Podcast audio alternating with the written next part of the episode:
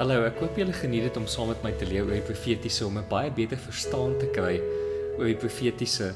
Nou, vandag sit ons weer hier so en ons gesels verder oor dit en daar's 'n term wat ek al baie gehoor het, 'n seer profet. En ek wonder maar, wat is dit? As ons praat oor die profetiese en ons kyk na die woord van die Here, dan kry ons soveel ehm um, voorbeelde in die woord waar die Here die profetiese kom koppel aan die visies wat gesien word ook.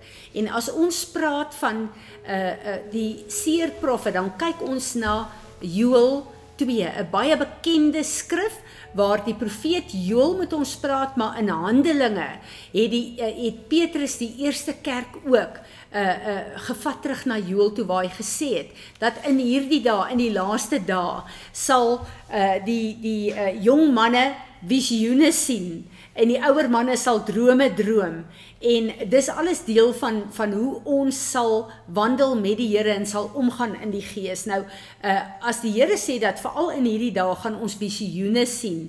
Hoe werk dit? Dit is 'n gedeelte van die profetiese roeping wat die Here op ons sit.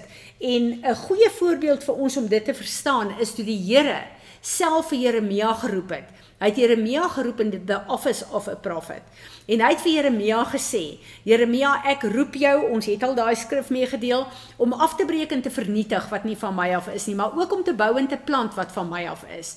En nadat hy dit vir Jeremia gesê het, toe sê hy vir Jeremia: "Jeremia, wat sien jy?" En toe kom Jeremia en hy sê vir die Here: "Ek sien 'n amandelbloeisel blom." Wat 'n hele groot profetiese betekenis is vir wat God met hom gedoen het, want dit is 'n nuwe seisoen wat in God in sy lewe aangebreek het, die seisoen van die profetiese. Nou in die uh fisiese uh, amandelboom se blo uh, bloei die heel eerste van al die bloeisels van die vrugte. Dis die eerste bloeisel wat blom. So wat die Here vir hom gesê het is Jeremia, ek gee nou vir jou die roeping as 'n profeet. Maar nou wil ek hê jy moet vir my sê wat sien jy in die gees? En uh, Jeremia het onmiddellik die vrug gesien, die eerste bloeisel van sy nuwe seisoen gesien. En toe hy gesê het vir God, ek sien dit, toe sê die Here jy sien goed. So as ons kyk na die profetiese vir al die office is baie keer deel daarvan die seer prophets ook. Nou as ons kyk na na Efesiërs 1 vers 18, dan kom Paulus en hy skryf vir die uh, die uh boek die kerk van Efese. I pray that the eyes of your heart may be enlightened in order that you will know the hope. So hy kom en hy sê that the eyes of your understanding be enlightened. Uh dis so interessant as ons kyk na wat Paulus hier sê, want Paulus weet ons is 'n gees, 'n siel en 'n liggaam. En ek en jy is so ingestel op die fisiese Maar ons vergeet ons het 'n gees ook en daar's 'n geestemensie. Nou ek en jy kan nie in ons geestemensie in ons met ons fisiese oë in die geestemensie insien nie. Dis hoekom Paulus sê, julle moet bid dat die julle the eyes of your understanding, dit wil sê julle geestelike oë oop gaan dat julle kan sien wat in die gees ook aangaan, sodat julle gees, siel en liggaam kan wandel die pad wat God vir julle geroep het. En Dit is letterlik waaroor die seer gaan. Die Here kom en hy wys vir ons prentjies in die gees van van wat hy wil hê ons moet hier op aarde bid en wat ons moet doen. Nou as ons praat van hoe sien jy? Daar's baie uh uh verkeerde sien na die verkeerde kant toe. Wat ons moet weet dat uh jy boodskappe kry van die geeste mense wat nie altyd suiwer is nie. Ek en jy sien deur die bloed in die kruis van Jesus Christus. Dit is ons pad om te kan sien in die geeste mensie in. Nou as ons kyk na na 'n uh, uh, boodskappe wat ons kry uit die gees uit, dan is dit baie belangrik om te weet as ons as daar goeds in die geeste mensie is wat ons nie van weet nie, dan sal die Here dit vir ons oopmaak deur 'n visioen want hy wil hê ons moet hier op aarde bid en gestalte gee aan die goed wat in die gees aangaan. So dit is letterlik 'n uh, uh, wat 'n seer uh, profet doen. En dis my so interessant dat wanneer ons oor sekere goed bid, uh, as ons byvoorbeeld kyk na ons wat begin saam bid het met die boere en dan wonder ons Here, U het ons bymekaar geroep om te kom bid. Maar wat moet ons bid? En dan kom die Here dan wys hy 'n visioen vir die seer prophets om te sê, Maar hier is sonde wat teen die boere staan. Hulle moet eers vergifnis vra vir my om te doen wat ek wil doen. En dan is daai gawe van die seer profet so belangrik, want as hulle dit nie sien en hoor nie, kan ons nie volgens God se orde vir die byeenkomste werk nie. En dit is vir my baie belangrik dat ons dit sal verstaan. Nou saam met hierdie is daar 'n ding van profetiese aksies. Wat is profetiese aksies dan presies? Profetiese aksies is vir my so belangrik en die woord van die Here is vol daarvan. Ons sien dit net baie keer nie raak nie en ek wil vir jou sommer skrifte noem wat die mense self kan opkyk soos Handelinge 21 vers 11, Jesaja 20 vers 2, Jeremia 13 vers 1, Jeremia 19 vers 1. Dis 'n hele klomp skrifte wat jy kan gaan lees om te kyk wat is 'n profetiese aksie. Nou as ons kyk na Paulus wat in sy reise uh, uh, op pad was. Agabus het op 'n dag gekom en hy het 'n beld gevat en hy het Paulus se hande vasgebind in 'n profetiese aksie en hy het vir Paulus gesê: "Soos wat ek jou hier vasbind, so van gaan jy vasgebind word in Jerusalem en in die tronk gegooi word." Dit is 'n profetiese aksie. Dis vir ons so belangrik om te weet dat uh, God het profete geroep om profetiese aksies te doen.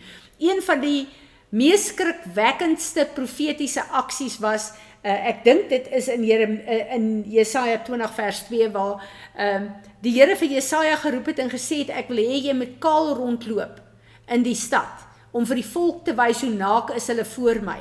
Nou dis skrikwekkend, maar dit was 'n profetiese aksie wat vir die volk moes wys dat hulle is naak voor God. Hulle is nie bekleed met die geregtigheid van God nie.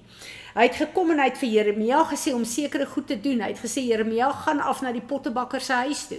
Een van die be bekende goed en dis wat jy doen met die klei. Dit was 'n profetiese aksie van vergifnis uh, wat God wil doen in elkeen van ons as mense. So daar's baie profetiese aksies wat gedoen word om dan 'n regte gee vir God om te werk. Onthou ons het vroeër gepraat van uh, Amos um, 3 vers is dit nou 7 of 9 julle moet asseblief vir my kyk. Ehm um, waar die Here gesê het hy gaan niks op aarde doen wat hy nie deur sy profete uitspreek nie dit wil sê om gestalte te doen nou net soos wat ons met woord uitspring 'n spreek wat God in vervulling moet bring net so is daar sekere profetiese aksies wat die Here vir ons sal sê om te doen sodat hy kan werk daaraan Ek sal nooit vergeet nie een van die profetiese aksies wat die Here my laat doen het. Ek het vir 'n huwelik gebid. En uh, hierdie man en vrou was daar soveel divisie tussen gewees. En soos wat ek gebid het, het die Here op 'n keer vir my gesê, ek wil hê jy moet twee stokke vat en daar was 'n profetiese aksie ook in die woord waar die Here gesê het vat twee stokke. Dis Juda en en 'n 'n 'n 'n Israel wat hy wat hulle aan mekaar moes gebind het om te sê so sal hulle weer in eenheid word. En die Here het vir my gesê bind met 'n rooi tou hierdie twee stokke vas en verklaar dat hierdie rooi tou die bloed van Jesus Christus is wat hierdie man en vrou weer in eenheid sal bring in hierdie huwelik. Dit was 'n profetiese aksie. Vir ander mense sou dit dom gewees het, maar ek het geweet dat die Here dit as 'n profetiese aksie wil gebruik.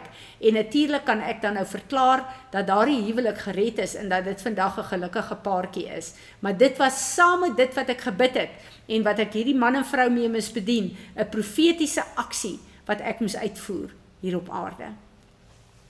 Kan jy ons lei dan in 'n gebed waar ons geestelike oë kan oopgaan sodat ons kan sien wat Vader vir ons wys sodat ons dit kan uitspreek indien ons dit moet uitspreek of dat dat ons dit kan gaan doen as ons dit moet gaan doen as 'n profetiese aksie.